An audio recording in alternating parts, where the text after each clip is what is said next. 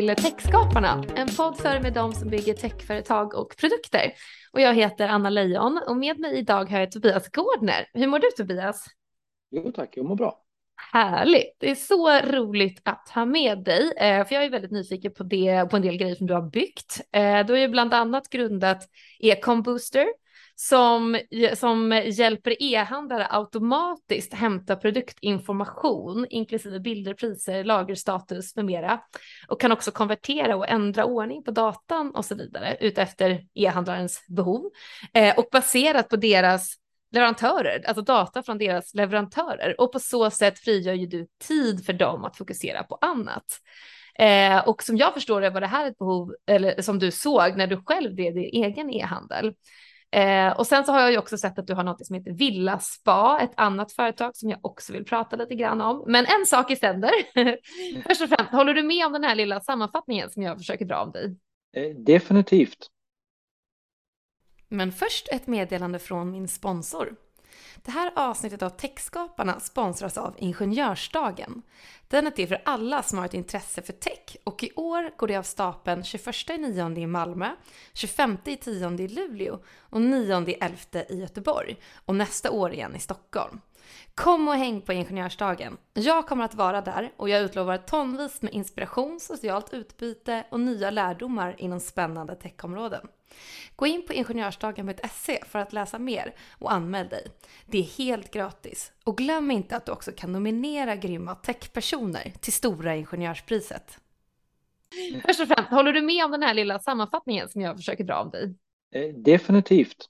Eh, det gör jag. Eh, mm. Och Villa Spa är ju den e-handeln som jag startade för en gång i tiden. Ja, precis. Jag fattar. Det ena kom liksom efter det andra. Eh, vi kommer gå in i det här i detalj mer sen, eh, men först och främst måste vi starta i rätt ände och jag vill höra lite om dig och din bakgrund.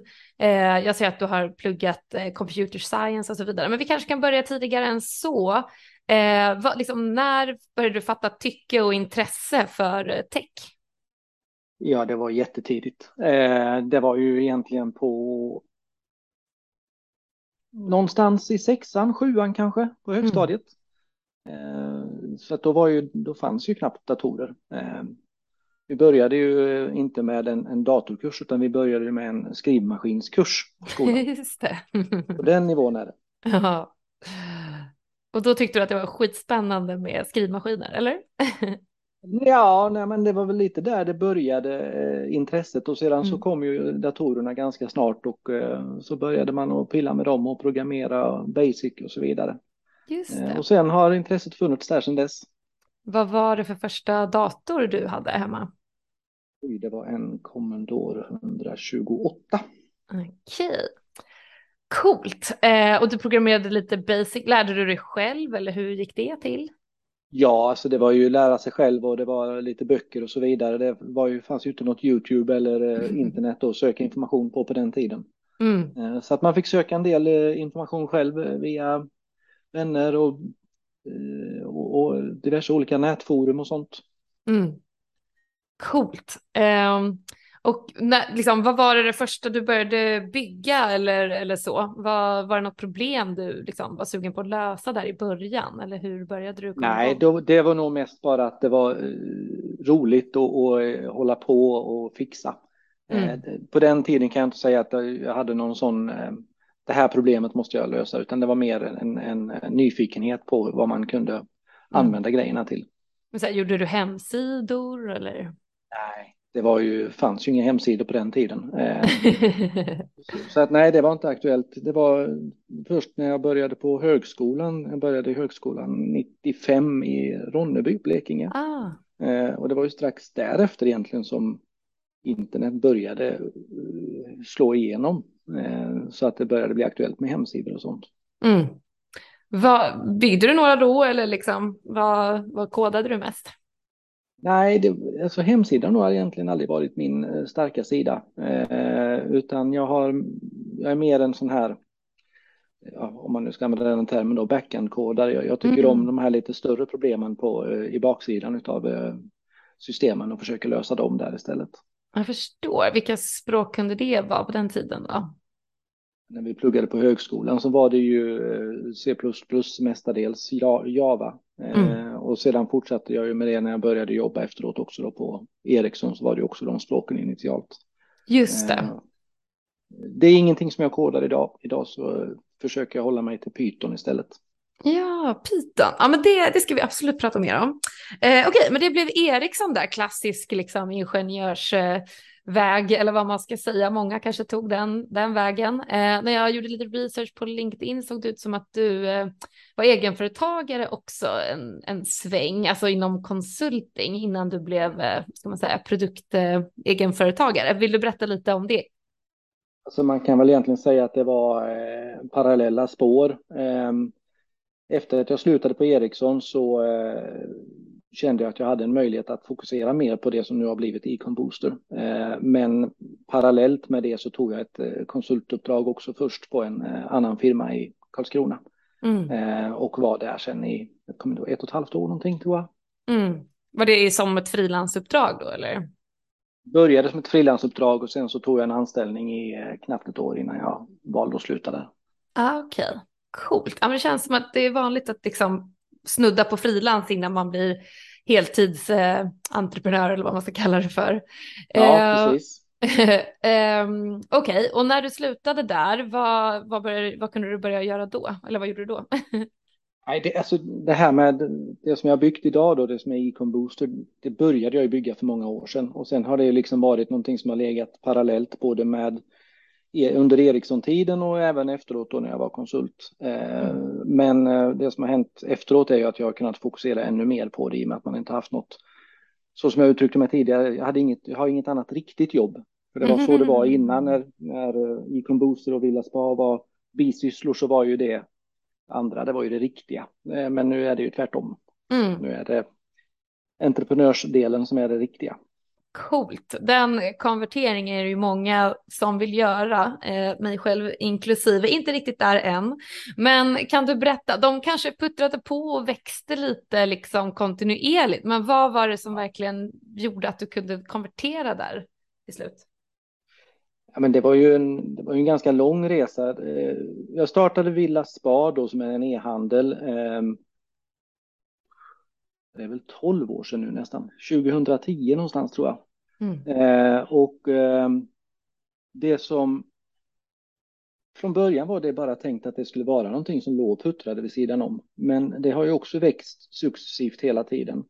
Eh, och ehm, det är väl egentligen det som har varit basen till att jag har vågat att satsa på Econ Booster också för att jag har liksom en, en, en intäkt vid sidan om utav ifrån den verksamheten. Mm. Och Econ Booster som sådant har ju växt fram under tiden som jag började driva Villa Spa. Det var ju behoven som jag hade där som jag ville lösa först och främst. Mm, eh, jag hade inte, hade inte en tanke på att det var andra som hade de problemen och att det kanske skulle gå att sälja den tjänsten sen. um, Men eh, ja, det, det, är som sagt, det, det, har verkligen vuxit fram organiskt om vi nu ska kalla det så. Mm. Eh, innan man vågade ta steget fullt ut. Mm, ja, men jag förstår det. Eh, och Villaspa, eh, för de lyssnare som inte vet det, är ju eh, en leverantör av reservdelar förstår jag det som, eh, till Precis. spa och pool och, och så vidare till privatpersoner. Ja, och, och, där måste och du ha haft, Okej, okay. ja, och där måste du ha haft, liksom, för du tillverkade ju inte delarna själv, utan du var ju nej, mer nej. en, du hade ju underleverantörer liksom, och det var deras data som du automatiserade i Econ Booster, eller? Precis. Stämmer ah, bra. Nu faller bitarna på plats här. Mm. Eh, men shit vad grymt. Eh, men först och främst, innan vi djupdyker alldeles för mycket i eh, Villas Econ Booster, vill du berätta, eller om du har liksom gjort något annat projekt vid, vid sidan av som kanske blev mindre lyckat och som du la ner men som du provade på eh, innan de här tog fart. Eh, har du någon sån i S i rockärmen som du vill dela med dig av? Nej, det är dåligt med sådana S faktiskt. Eh, de är båda gick bra, satsningarna du gjorde liksom. ja, de har väl gått uh, hyfsat bra i alla fall. Nej, jag har faktiskt inte ingenting annat sånt uh, att komma med. Jag förstår. En annan har ju försökt typ hundra grejer innan man liksom hittade några som gjorde remotely intäkt. Men, eh, men det sparar vi till en annan dag. Fan vad coolt. Um, Okej, okay, så vi har lite bakgrund och lite kött på benen. Eh, men jag förstår det som att du i början åtminstone kanske nu också liksom var helt ensam operativt engagerad i båda företagen, eller? Ja, eh, så var det initialt. Eh, idag så har jag eh, en anställd på Villa Spa. Min äldsta son är faktiskt anställd där och mm. sköter ungefär 90 procent av driften i nuläget. Okay. Och det är ju för att jag ska kunna frigöra tid till Econ Booster. Mm. Det, det, är jättebra att sälja reservdelar till spabad, men jag tycker inte att det är världens roligaste grej. Mm. Det är mm. mycket roligare att bygga mjukvara och sälja den tjänsten till andra mm. företagare. Jag förstår, så det är lite där mer skalbart vill... kanske. Ja, det är också. Så det är där jag vill fokusera. Mm. Eh, och i den verksamheten så är det ju fortfarande så att jag är eh, den enda som är anställd. Eh, däremot så har vi eh, plockat in eh, externa investerare som har gått in både med kapital och med eh, tid i, i form av konsulttimmar. Mm. Så att så successivt så försöker vi att expandera den verksamheten så att faktiskt går att skala upp det så småningom. Det är det som är första fokuset just nu. Ja, att se till förstår. att vi kan göra verksamheten mer skalbar. Mm. Ja, men det är supersmart. Eh, får jag bara fråga angående villaspa, var det så att du eh, liksom hade en pool eller jag kunde se någonting hemma själv och såg ett behov av att eh, kunna köpa reservdelar? Eller hur kom du på den idén? Ja, den storyn är ju också eh, lite rolig. Nej, men det började med att eh, jag ville ha ett spabad eh, och så började jag titta på om man kanske skulle importera en container ifrån Kina. Ja. Och så fick jag med mig några bekanta som också var intresserade så att jag gjorde lite research och slutade med att jag tog hem en container innan jag hade startat ett företag. Och, och det funkade ju. Var nervös inledning kan jag ju säga för att mm. innan man öppnade containern visste man ju inte om den var full med sten eller inte. Mm. Allting betalas ju i förskott och så. Eh, men vi fick hem eh, några sparbad och det funkade och jag hade även beställt hem lite reservdelar till de sparbaden. För jag tänkte att det kan ju vara bra att ha om det nu skulle vara något som går sönder. Just det. Och sen fick jag väl en sån där tanke någon gång att nej, men kanske, man kanske kan starta en verksamhet och börja sälja sparbad. Mm. Så att jag satte upp en hemsida och hade som målsättning att eh, inte vara som alla andra som sålde sparbad utan att jag ville inte ha något lager i Sverige utan jag tänkte att du som var intresserad av ett sparbad, du lägger en beställning på hemsidan, du väljer färg, du väljer, gör alla tillval och så vidare. Och sen när vi har en full container, då gör vi beställningen och får hem grejerna och levererar ut till kunderna. Mm. Det var ju en bra idé som inte funkade. Jaha. Eh, för att när du vill ha ett spabad så vill inte du ha det om tre månader eller fyra månader, utan du vill gärna ha det i förrgår. Eh, så, så ehm, det var ganska, jag upptäckte ganska snart att det såldes ju inga spabad, eh, men däremot hade jag lagt upp lite reservdelar på samma hemsida och de gick åt. Mm. Så att jag svängde om hela verksamheten. Jag skippade sparbaden och bara utökade med mer reservdelar och eh, på den vägen är det. Ja, men snyggt. Du pivotade lite där liksom. Men yep. Eh, då, alltså, är det fortfarande dropshipping eller? Aldrig varit dropshipping. Nähä. Utan vi har, eh, vi har lager i, i Sölvesborg där jag bor. Ja. Eh, och eh, allting studsar i nuläget via lagret faktiskt. Okej, okay. ja men då är, ja, då, då är det ju, ja då blev det riktig lagerhållning till slut där. Ja. Jag fattar, vad kul grymt och jag älskar de här när man pivotar, liksom man hittar sin eh, market fit. Eh, riktigt coolt. Hur kom du på namnen då med Villaspa och Ecombus? Det är ju superbra namn. Väldigt SEO-vänliga. Ja. Liksom. ja, Villaspa kan man väl egentligen säga att det är en uh, rip-off av min, min frus företagsnamn. Hon drev en frisersalong mm. som heter Villastrå. Eh, och, och, villa bara för att vi hade grejerna här hemma eh, och sen strå med tanke på att hon klippte. Mm. Eh, så att jag bara snodde del, delar av den eh, namngivningen och fortsatte på det spåret. Mm. Ecom Booster, ja, det, det, var väl en lite längre resa innan det namnet landade och jag vet faktiskt inte om det har landat fullkomligt ännu.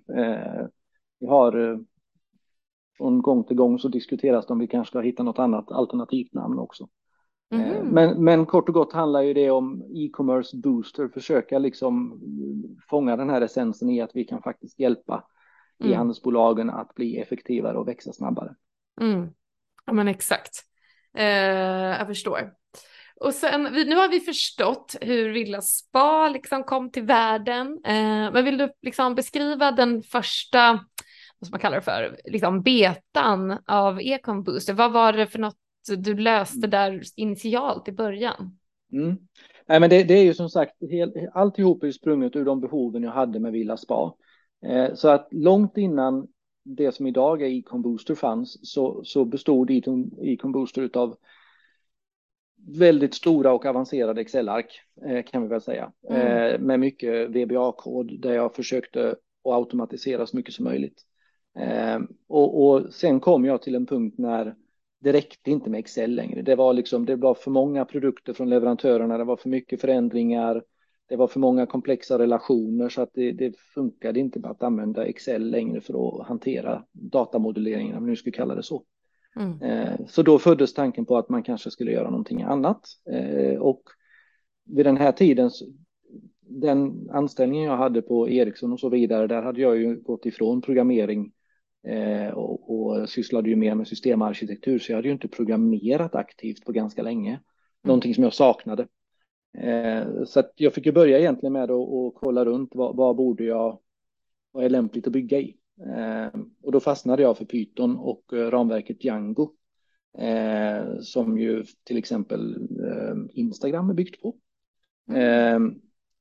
Och anledningen till att jag fastnade för det, dels tycker jag om Python som programmeringsspråk. Det är väldigt enkelt och simpelt och man kan göra mycket utan att det behöver att bli för komplext att överblicka. Ehm, och Django som sådant, när jag började titta på det ramverket, tyckte jag mycket om eftersom det fanns eh, det, finns ett inbyggt admin-gränssnitt i det som man kan använda för att få till rätt så trevliga vyer eh, utan att man behöver vara så duktig på frontend-kodning. Och det är inte jag. Mm. Mm. Så att eh, det var liksom en, en liten avvägning där att man kunde få både backend och frontend eh, utan att kunna koda så mycket frontend. Mm. Ja, men jag förstår. Eh, coolt. Och, och vad, liksom, vad, den första versionen då, vad, vad gjorde den så att säga? Men jag brukar säga det att Econ Booster i grund och botten är en mix av funktioner ifrån olika systemområden. Eh, och om man nu håller på med eh, e-handel eh, framför allt och så känner man igen de flesta av de här grejerna. Men det är ju till exempel PIM som är Product Information Management. Mm. Där, där pratar man ju om produktbeskrivningar, man pratar bilder, attribut, Eh, produktinformation generellt. Men det som man sällan har i PIM eller aldrig har i PIM så är det sånt som kallas transaktionell data. Eh, till exempel priser, lager och den typen av grejer som ändrar sig. Mm. Eh, det är den ena benet kan vi kalla det. Eh, nästa ben det är ERP eh, e eller på svenska affärssystem egentligen då. Och där har man ju just den transaktionella datan. Det är ju där som du, den brukar vara dataägare av priser, inköpspriser, eh, lager och så vidare.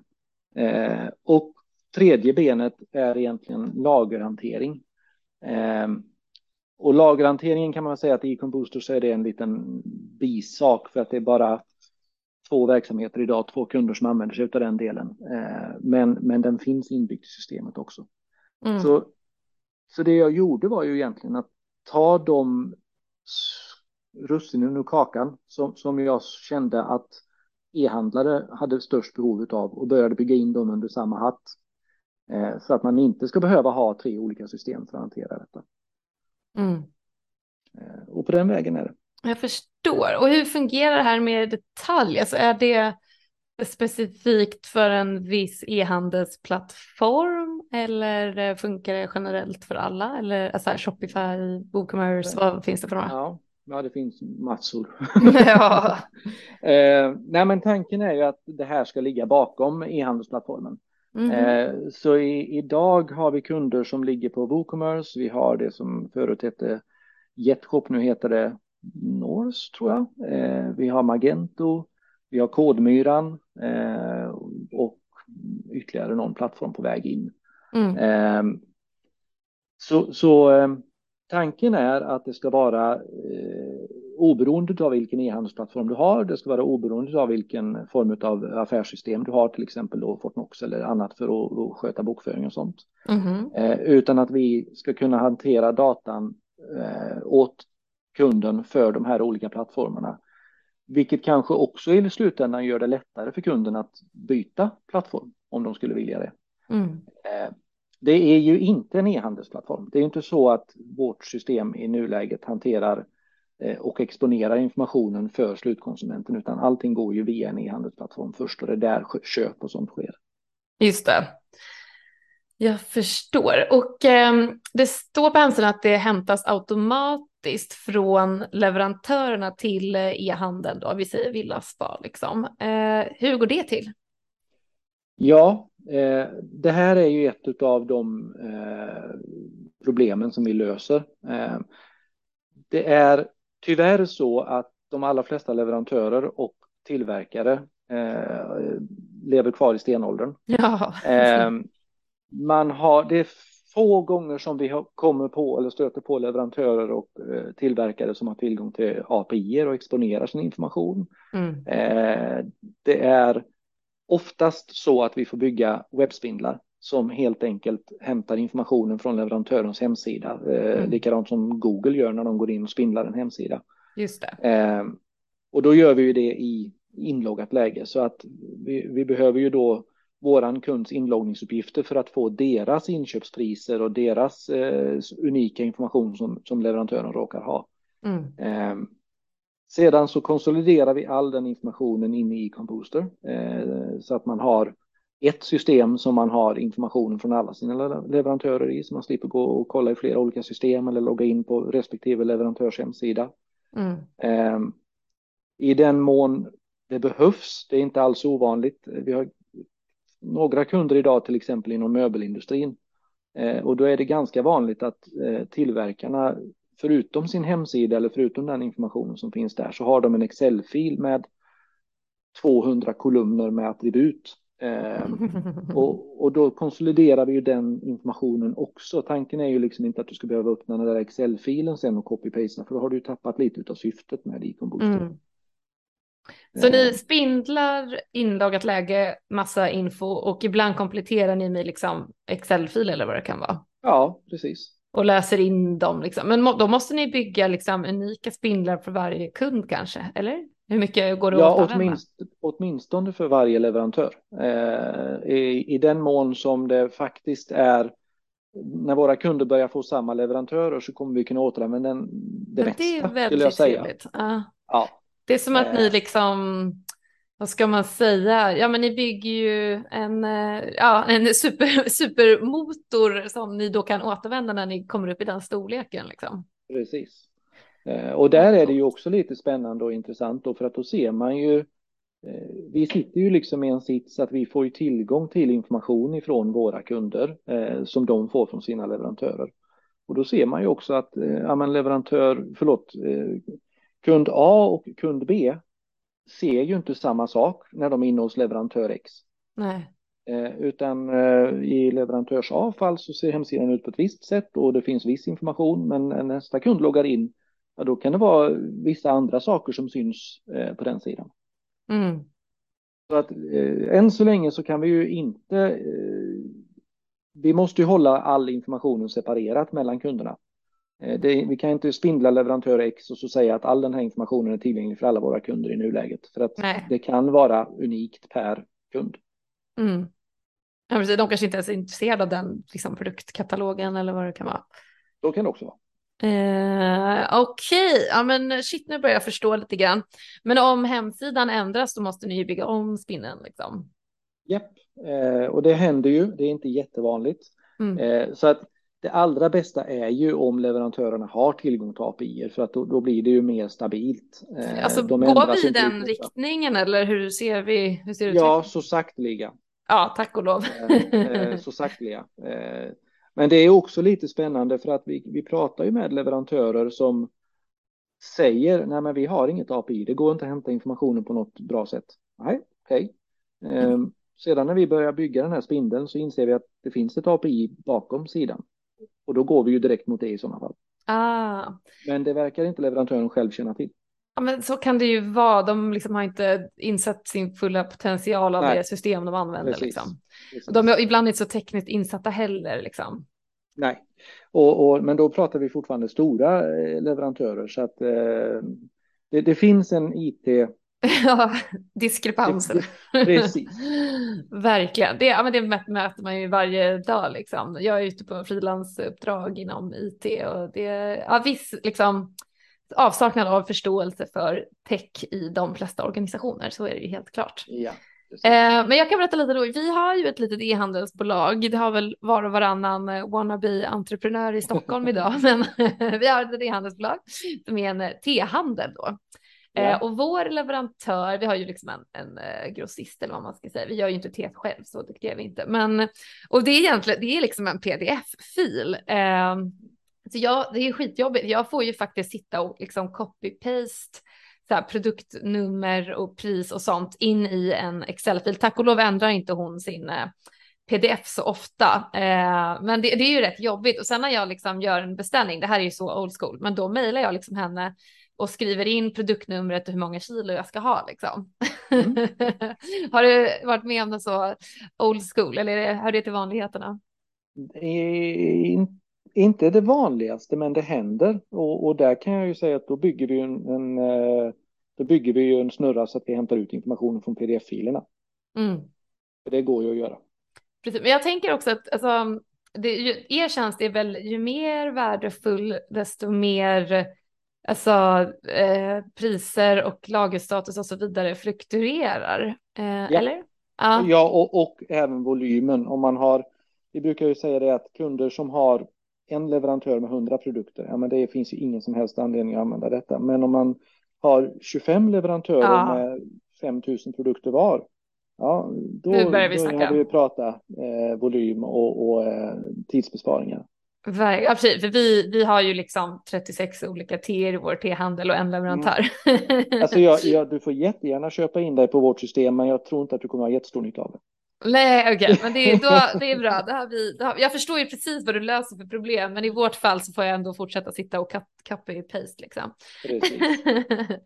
eh, okej, okay. shit, det här är så spännande och det, det känns, alltså det är en otrolig liksom tröskel eh, att komma över, liksom, att liksom, få upp alla de här spindlarna. Men som du säger, sen så när ni har liksom byggt x antal spindlar och har fått lite snurr på det där och liksom täcker lite större, som du har nämnt, lite olika branscher och så vidare och börjar få lite känsla för hur det normalt funkar, då blir det ju en otrolig liksom skal, eh, för, alltså fördelarmöjlighet. Ja. ja. Och det är ju det vi ser framför oss också, att eh, det kommer finnas en, någon form av eh, break-even-punkt här när vi liksom börjar få kunder inom samma segment och vi mm. ser att vi får mer återanvändning för de spindlarna vi redan har byggt och då helt plötsligt så minskar ju integrationstiden och kostnaden eh, för oss. Eh, och det är ju dit vi vill nå. Eh, och vi har faktiskt även samarbete på gång nu när vi ska försöka titta på att direkt kontakta leverantörerna eh, för mm. att den vägen öppna upp att ja men okej, vi pratar med leverantör X och leverantör Y och så får vi in deras kataloger här så är det lättare att nå ut sen till deras kunder och säga att här har ni ett strukturerat sätt att hämta och hantera informationen som ni kanske inte kan få direkt från leverantören mm. för att deras system inte har den, det stödet idag. Ja men exakt, ni liksom jobbar, vad ska jag säga, en, en annan väg helt enkelt. Ja, precis. Precis. Shit vad coolt. Jag får lite känslor av um, så här, open banking problematiken. Liksom. Varje bank vill inte bygga eh, integration mot de här öppna API-erna var för sig, men liksom, Tink kom och byggde ett åt alla liksom, som alla nu använder. Det är lite samma feeling, håller du med? ja, nej, men det är väl eh, lite åt det hållet som jag också kan hålla med om. Att det, det man hade velat bli den spindeln i nätet. Jag menar exakt så här ekom-spindeln liksom. Ja, det här är så coolt, det här är framtiden. Det är helt, det är helt sjukt att det fungerar på, på det här sättet fortfarande, att det är så himla oautomatiserat och ostandardiserat framför allt. Det har varit min största eh, frågetecken egentligen genom alla de här åren, att det måste ju vara någon annan som har gjort detta redan, eller ja. många. Men eh, nej, det verkar inte så. Vi, vi är jag har inte lyckats med att hitta någon eh, som gör exakt de här bitarna faktiskt, eh, Mm. när vi har sökt efter konkurrenter. Vi har företag som touchar på det, men ändå inte riktigt samma. Mm. Jag kan Vilket tänka mig att folk, konstigt. ja men precis, men jag kan tänka mig att folk är så här äh, mörkrädda inför den här tekniska utmaningen det, det innebär liksom att eh, automatisera inhämtningen av den här typen av data. Eh, att det blir liksom overwhelming typ om lättare Ja. att lösa något annat teknikproblem som man, som man ser. Men det, alltså, jag älskar att ni, ni biter i sura äpplet och, och liksom gör den här, eh, alltså det är verkligen en, investering liksom. För hur, hur prissätter man egentligen en sån här avancerad tjänst. Eh, det låter som att det kan vara ganska dyrt att bygga spindlar för var och en av alla deras leverantörer till en kund.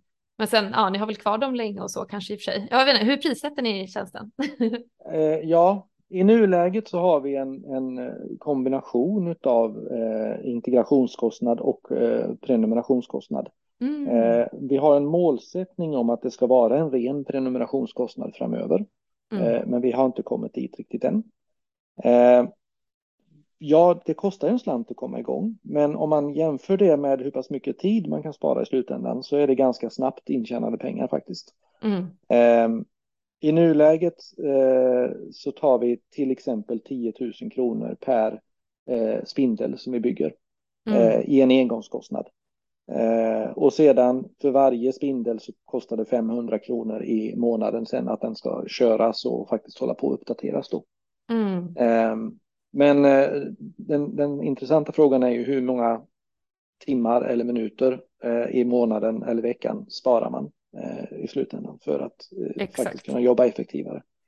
Eh, Nej, men jag kan och- tänka och mig att folk sitter, det är heltidstjänster liksom som sitter med det här. Det är ju det vi, det, det är en av våra största konkurrenter. Det är okej, vi, vi sitter i en sits där det här tar jättelång tid. Vi anställer en person till. Exakt.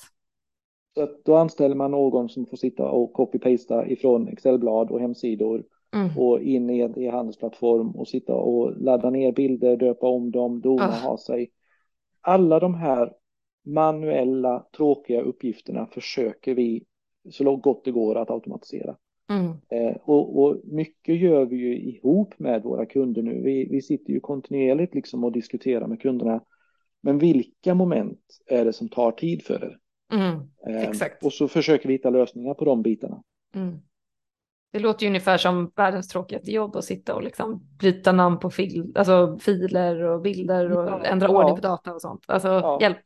E- Eller, eller ett sånt konkret exempel. En av våra kunder sa att det här är, det funkar jättebra. Vi kan, vi kan lägga in 150-200 nya produkter jättesnabbt med hjälp av Econ Booster. Mm. Men när vi väl har lagt in dem på vår e-handelsplattform så ska vi koppla de här till produktkategorier.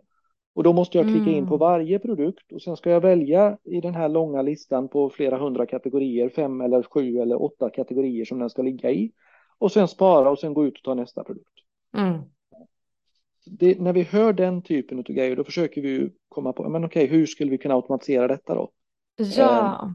Så, så konkret exempel, det vi gjorde där var ju att vi har ju informationen från leverantören, då sparar vi ju även deras kategoriträd. Mm. Så att nu har vi en Mappa funktion i liksom. Ja, så nu har vi en funktion i systemet som säger att om, om vi har en leverantör som säljer blommor eh, och, och jag kopierar en produkt som råkar ligga i leverantörens kategori röda rosor, då Mm. vill jag per automatik att den ska hamna i mina kategorier röda blommor, taggiga växter och eh, rosor. Exakt. Så har man liksom kapat bort ytterligare ett sånt där moment som är tidskrävande och tråkigt. Ja, för det där är ju så himla vanligt. Jag, jag har jobbat lite inom eh, kläd-e-handeln och tidigare och det är så här folk döper ju saker till, liksom, ja, men som du säger, dels kan det vara olika undernivåer i liksom, kategoriträdet och sen olika huvudkategorier och namn i sig också. Oh ja. Olika antal liksom underkategorier, olika antal taggar, olika antal, alltså vet så här, det är ju bara en mardröm alltså. Ja. och det är så alla har gjort på sitt egna sätt och ja, men som du skriver på hemsidan också att det här är ju extremt liksom, SEO eh, eh, och liksom avgörande att tagga produkter rätt för att liksom komma organiskt högt upp i mm. sök på Google och så vidare. Så det är superviktigt arbete, eh, men så tråkigt. ja, så är det. Ja, shit, jag är så imponerad. Det här är verkligen så himla coolt. Eh, jag har ju själv, alltså jag kommer ihåg liksom mitt första så här, kontorsjobb, det var ju liksom någonting åt det här hållet. Jag kommer inte ihåg exakt, men det var någonting, ladda ner filer, döpa om dem, ladda upp dem här. Typ. Alltså det var ju något sånt. Ja. en billig liksom, en liten intern som, som man lägger sånt på. Men alltså, jag hoppas ju att eh, sånt här tråkigt eh, jobb är ett minne blott. Alltså det vi kan liksom överlämna till datorerna eh, så att folk kan få mer uppfyllande arbets... Ja, ja, Alltså verkligen engagera. Alltså det handlar inte om att ersätta människor, det handlar ju om att de ska få roligare uppgifter, mer stimulerande ja. uppgifter. Det, det, det, är lite det. Eh, det har varit en av mina målsättningar hela tiden. Det handlar ju, precis som du säger, jag vill ju inte ersätta folk, men jag vill ju att de ska kunna fokusera på att ja, men då tar vi in en, två, tre leverantörer. Ja, ja, eller vi, vi, vi expanderar. För det hade vi inte hunnit annars. Exakt, man kan fokusera på kärnverksamheten som kanske är design eller kanske är bygga hemsidan snyggt. Alltså det finns ju Precis. massvis med saker som man vill göra i ett företag liksom. Ja. Uh, ja, så att resurserna kan spenderas bättre på andra sätt. Det är jag helt övertygad om.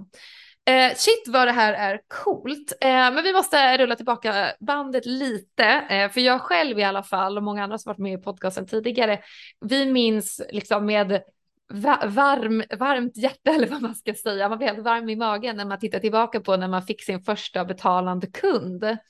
Eh, så vill du förnimma dig tillbaka när du fick din första kund på Villaspa och sen din första kund på Econbooster?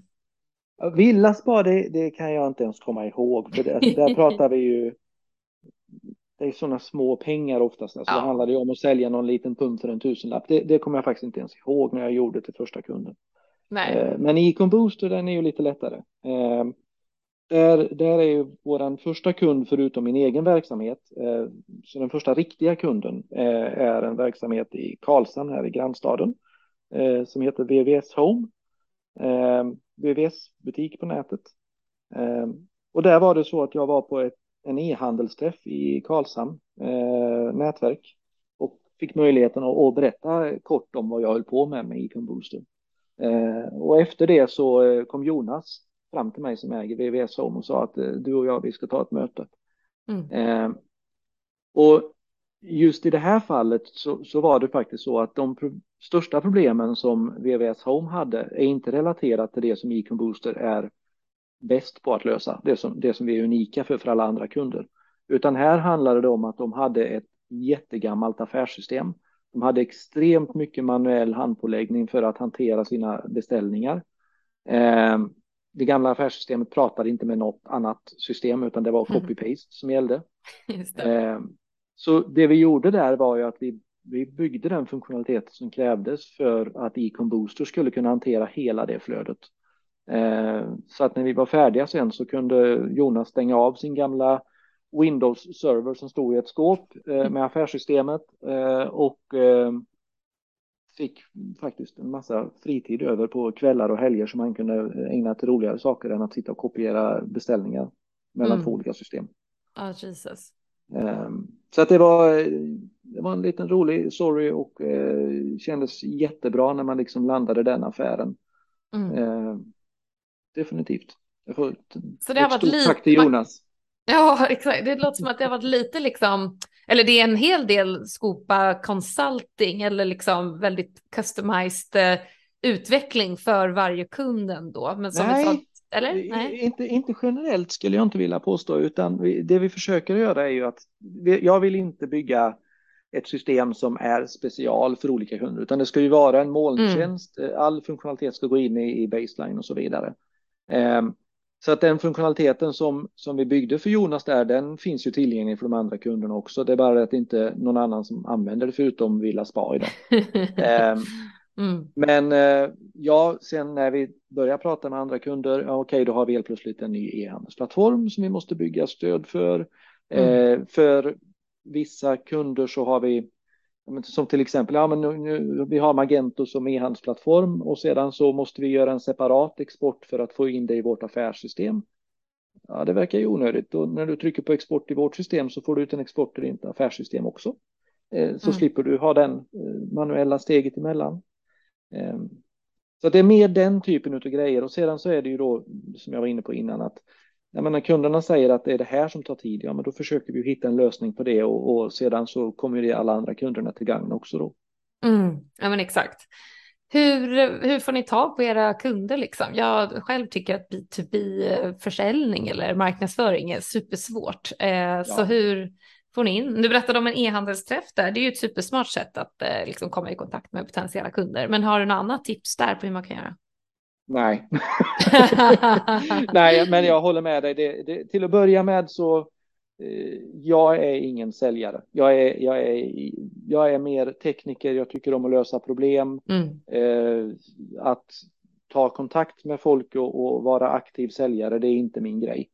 Eh, så där har jag ju lyckats med att få lite hjälp. Eh, jag har en kvinna som heter Jenny Strömberg inne i bolaget som gör den delen. Och hon har jobbat väldigt mycket med sälj eh, inom B2B och så vidare. Men hon säger ju också det att e-handelskunderna är extremt svåra. Mm. De, de, är så tidspressade eh, så att de liksom finns, de har inte möjlighet att ta tag i den här typen av grejer. Mm. Ja, men det är så här, de måste hålla liksom, den vanliga verksamheten uppe och rulla. De har inte tid för nyutveckling överhuvudtaget. Det är så pressade marginaler oftast ja. i e-handelsbranschen. Ja. Och sedan så tror jag också att eh, vi, vi, märker ju att ju, ju, fler kunder vi får, desto lättare är det faktiskt att få nya kunder för att man har mm. lite referenser. Eh, så att det är väldigt svårt att, att komma igång eh, mm. när man inte har eh, något footprint, måste jag ju säga. Eh, mm. Jag, jag, vi märker att det går lättare och lättare för varje ny kund vi får. Vi får fler eh, möten bokade, vi får fler demos och, och så vidare. Mm.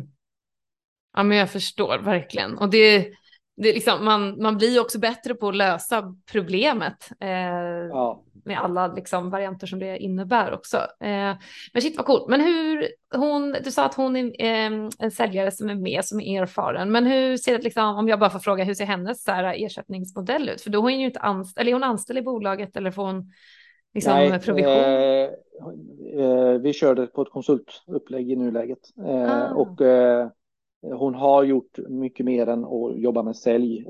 Hon har erfarenhet av att bygga bolag och investeringar och så vidare. Så att hon har varit en, en nyckelperson definitivt för att få mm. till den första investeringen som vi har idag.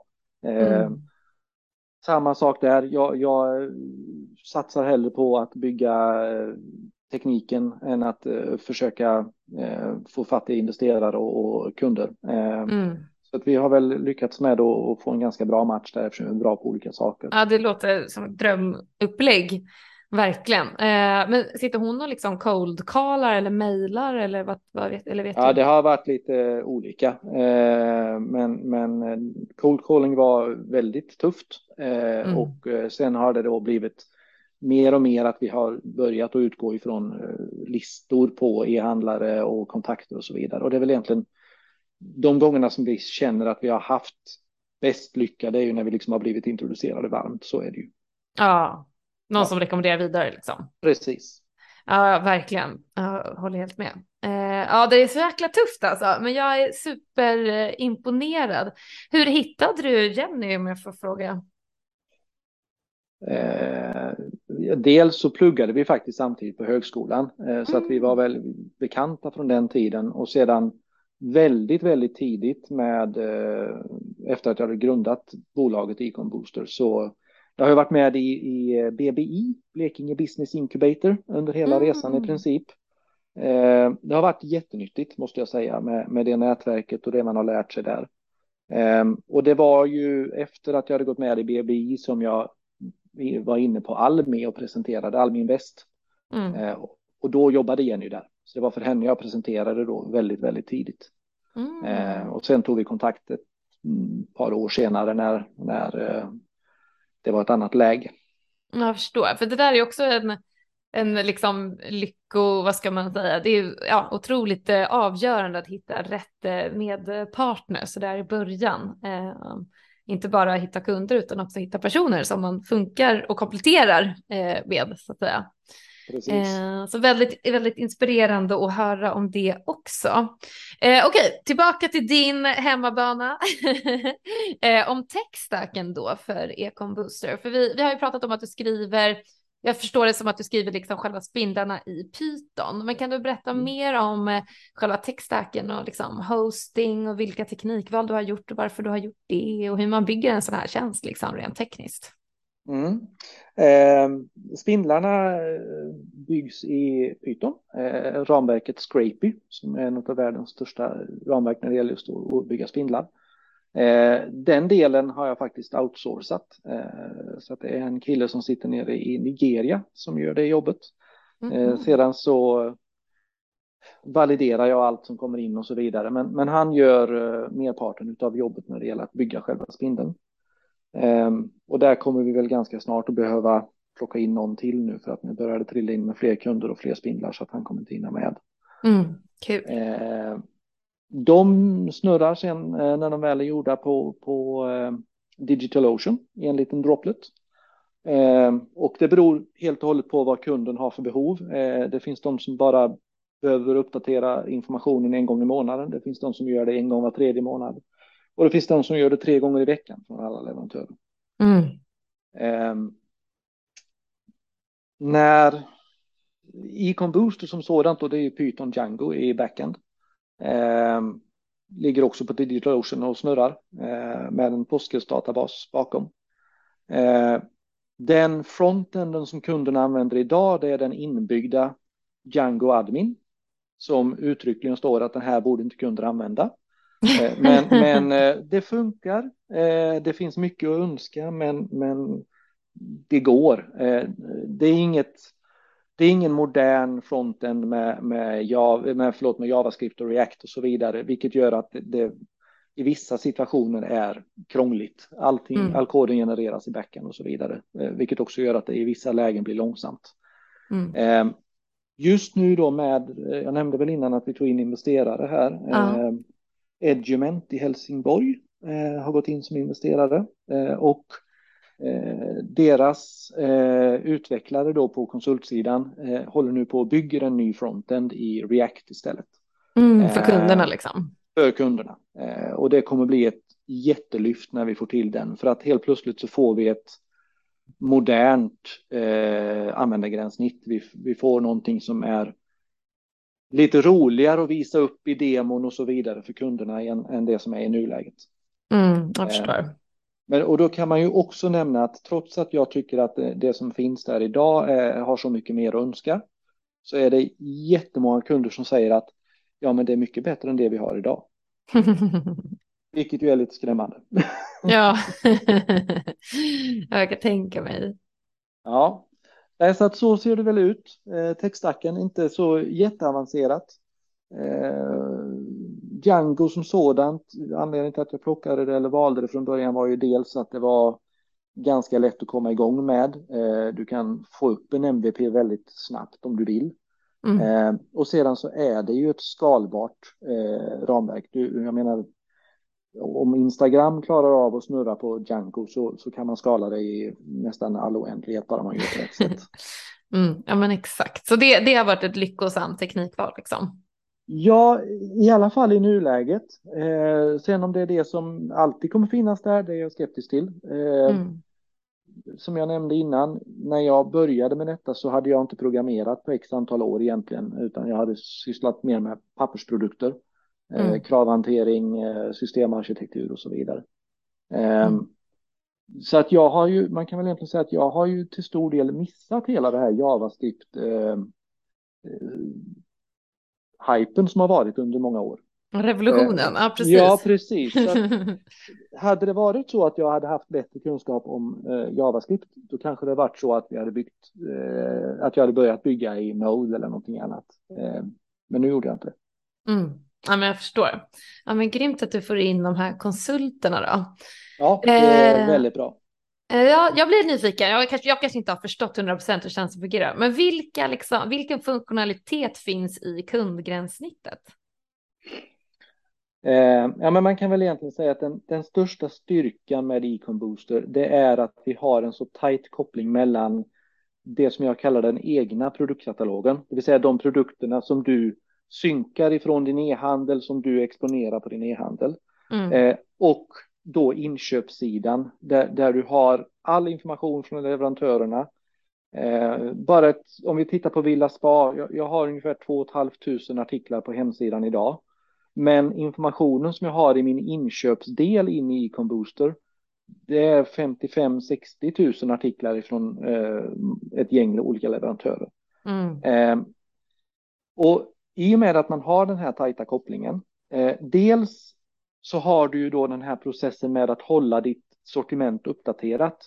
Eh, du har priser som förändras hos leverantören, du kanske har saker som utgår eller som är restnoterade hos leverantören. Ja, men spindlar man då en gång i veckan så har man ju kontinuerligt en, en prisjustering. Du kan, du kan räkna, vi har en inbyggd prismotor i systemet så att du kan liksom sätta regler för hur du vill att ditt utpris ska se ut i förhållande till inpris. Mm.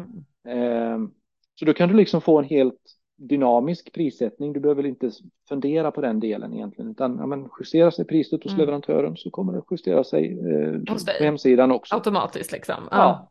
ja. Eh, och det, det är ju en sån grej som extremt många sitter och gör manuellt. Mm. Eh, Verkligen. Och även typ, eh, eh, Eh, jag satt, jag vet inte, nu, nu går jag ut lite på en, vad ska man säga, planka här och att se om jag får vandra tillbaka. Men jag kommer ihåg att eh, när jag jobbade på ett klädföretag, då tittade man mycket på konkurrenterna för att sätta sitt pris.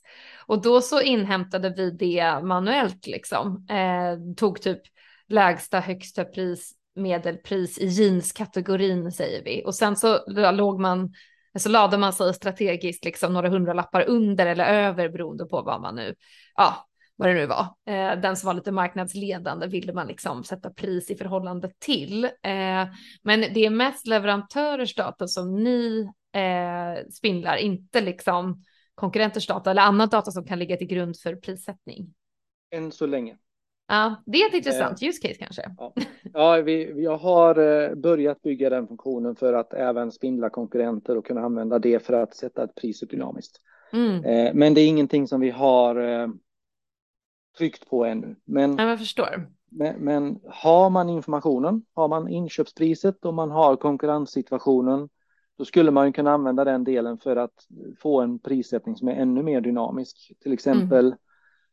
Jag vill alltid ligga fem kronor under eh, den här konkurrenten, eh, men om min marginal sjunker till under x antal procent eller x antal kronor, då vill jag inte hänga med ner i en prisdumpning. exakt, exakt. Det är priskriget liksom. Ja. Men att man bygger egna prisalgoritmer helt enkelt. Ja. Ehm, ja, det är så Coolt. Eh, och det blir ju mycket, mycket mer sånt här också med dynamisk prissättning och sånt. Eh, och inte minst nu också med inflationen, alla höjer priserna hej vilt. Eh, ja. då, då behövs en sån här tjänst. Men vi, får jag fråga, vilken, du berättat om lite olika branscher, liksom möbelbranschen och så vidare, men vilken är er största målgrupp just nu, eller som ni har som kunder? Alltså man kan väl egentligen säga att just nu så är det ju både möbler och eh, ganska mycket reservdelar. Eh, mm. så, så, att kort och gott där, där det pratas om många produkter och många leverantörer så är det svårt att hålla koll på det och få det att funka och då behöver man någon tjänst som, som detta. Mm. Eh, så vi har ju ett antal kunder inom möbelbranschen. Vi har ett antal kunder som håller på med reservdelar och VVS-prylar. Eh, och, och det, vi pratar ju många tusen artiklar och det är varianter mm. eh, med olika storlekar färger och färger och så vidare. Ja. ja. Mm, specialval och allt möjligt. Precis, det drar iväg. Ja, jag fattar det. Eh, men eh, ska man titta långsiktigt så dels i nuläget har vi bara svenska kunder, men det finns ju ingenting som hindrar en internationell expansion. Nej. Eh, utan det är ju det vi ser framför oss sen att det kommer att, att bli så också. Eh, allting är ju redan förberett eh, på engelska. Det, det är skrivet på engelska och översatt till svenska.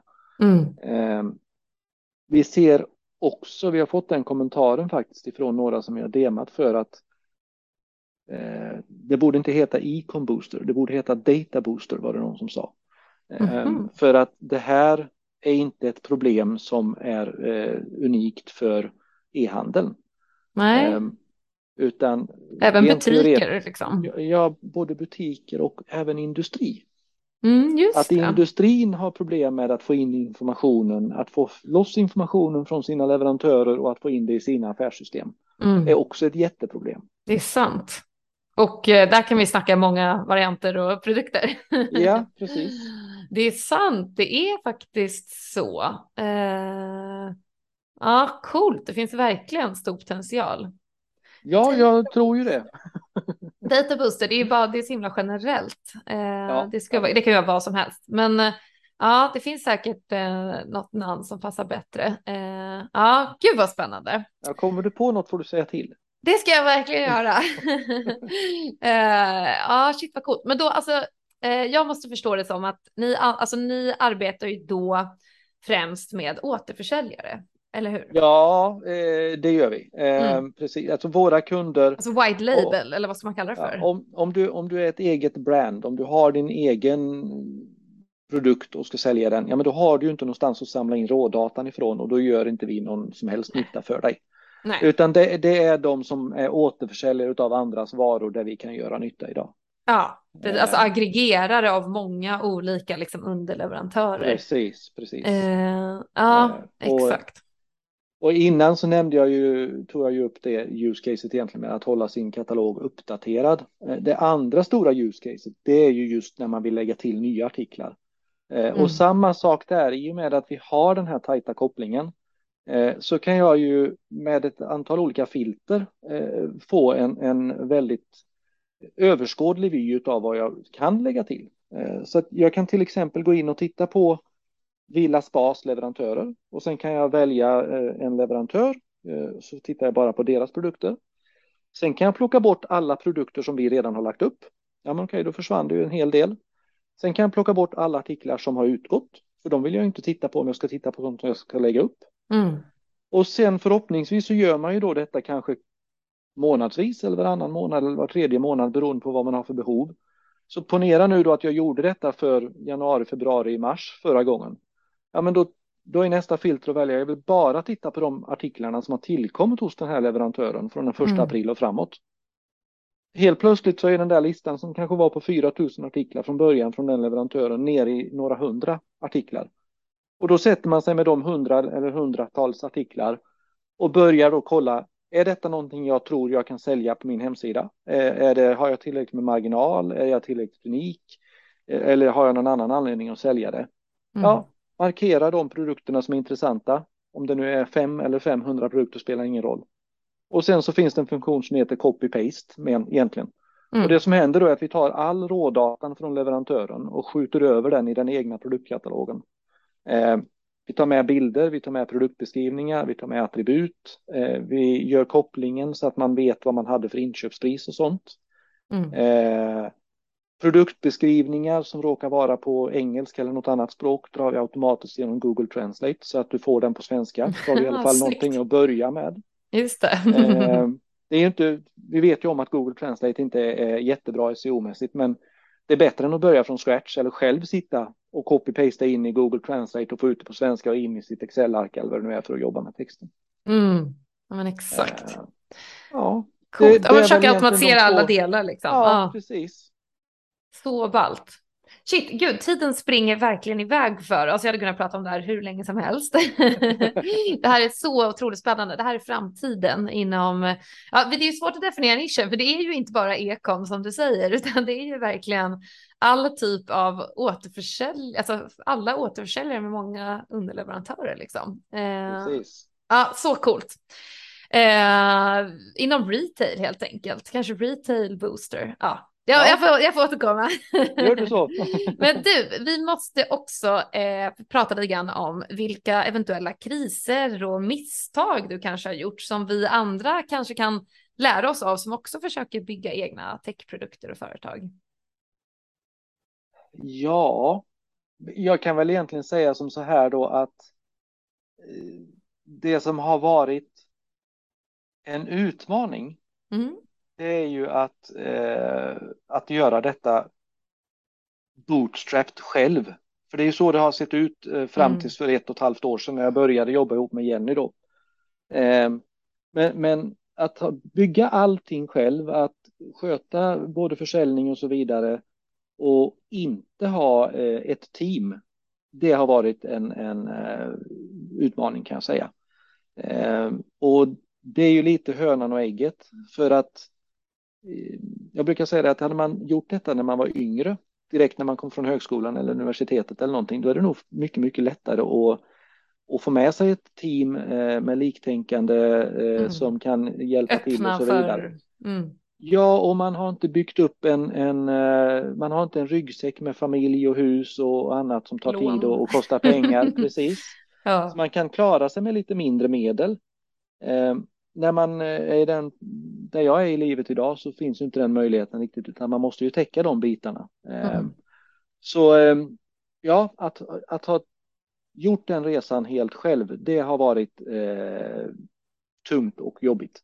Mm. Men samtidigt så vet jag inte riktigt hur jag skulle gjort det på något annat vis heller eftersom man inte man kan inte sälja in och till investerare innan det finns en produkt och hela den biten. Nej, och det kanske inte hade varit så motiverande för då hade du behövt ge bort väldigt mycket större del säkert av eh, Precis. framtida ja, intäkter och så vidare. Och sen, ja. Jag tycker det är så roligt hur du har liksom också byggt upp Villaspar vid sidan av och så tar din son över och så håller det det liksom är intäkterna som håller dig lite flytande när du satsar på ekombuss. Det är ju skitsmart liksom.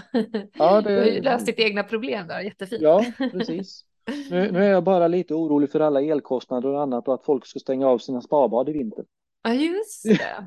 Det är sant. Det är de som kanske ryker först. Jag har ingen aning. Ja, ja det uh... tror jag. Det är, nej, men det, det, är väldigt många som ställer den frågan till oss nu faktiskt. Hur, hur ska jag göra för att stänga av sparbadet?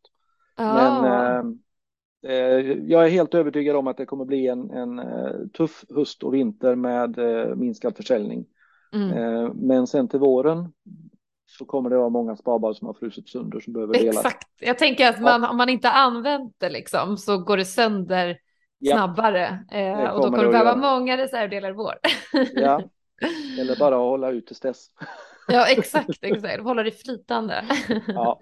uh, ja, men shit vad grymt. Uh, så himla bra tips. Har du några andra lärdomar som, som du vill med av, dela med dig av till oss som också vill bygga? jag förstår att det är det här med att man, det är svårt att liksom bootstrappa ju senare i livet kanske och även ja. få med sig medgrundare och så vidare. några andra lärdomar som vi som också vill bygga kan... Nej, men jag kan ju näm återigen nämna eh, inkubatorer. Eh, mm. Jag har ju varit med i B BBI, då, Blekinge Business Incubator, men, men eh, har man den möjligheten och man bor i närheten av en inkubator så tror jag att det är väl värt att ta sig dit och besöka dem, för, för man mm. får mycket hjälp därifrån. Hur hittar man sådana här inkubatorer då? Ja, det, det finns i alla större städer tror jag, eller i alla fall mm. alla större eh, liksom. landsting och län. Mm. Eh, så att det är bara att kolla. Nere i Malmö finns det där heter det ju Mink, Malmö Incubator tror jag det är till exempel. Ah. Mm. Eh, så att det, det, finns på de flesta ställen. Ja, men det är superbra tips. Eh, ja, men shit vad coolt. Eh, gud, nu ska vi strax runda av här, men eh, va, vi har fått en glimt redan i liksom vad för kanske framtida features och vad din vision långsiktigt är med internationell expansion och expansion utanför e-com och så vidare. Men vill du liksom måla en bild framför oss? Vad händer härnäst med e-com booster? Ja, men det, man kan väl säga att det är baby steps. Vi, vi jobbar hela tiden med att ta fram de här funktionerna som vi hör att våra kunder har mest nytta av. Mm. Eh, för att det ska gå lättare och så vidare för dem. För vi vet ju om att de är inte unika om att ha de bekymren utan det kommer nästa och nästa och nästa kund också behöva sen. Mm. Eh, vi jag ser fram emot när vi kan börja använda det här nya frontenden. Eh, mm. Det kommer bli en, en, ett stort lyft tror jag. Mm. Eh, definitivt. Mm. Spännande grejer på gång, helt ja. klart. Händer massa jag, saker. Jag, jag, brukar säga det att målsättningen med Econ Booster det är ju att man ska kunna komma till ett självspelande piano.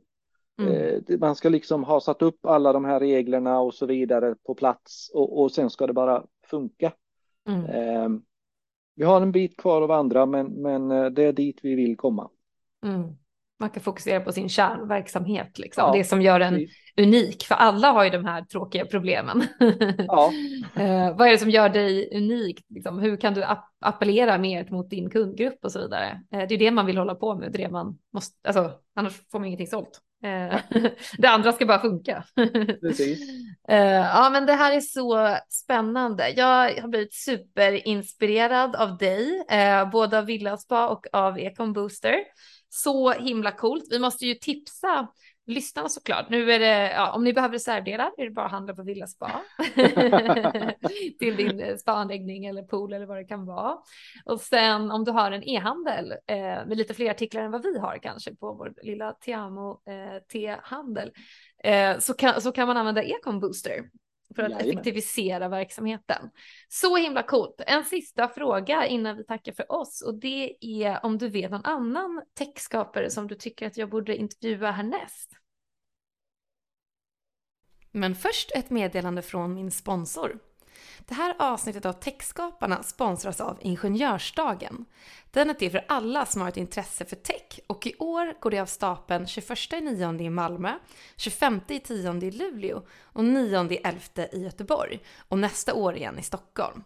Kom och häng på Ingenjörsdagen. Jag kommer att vara där och jag utlovar tonvis med inspiration, socialt utbyte och nya lärdomar inom spännande techområden. Gå in på ingenjörsdagen.se för att läsa mer och anmäl dig. Det är helt gratis. Och glöm inte att du också kan nominera grymma techpersoner till Stora Ingenjörspriset. Ja, men jag har väl ett...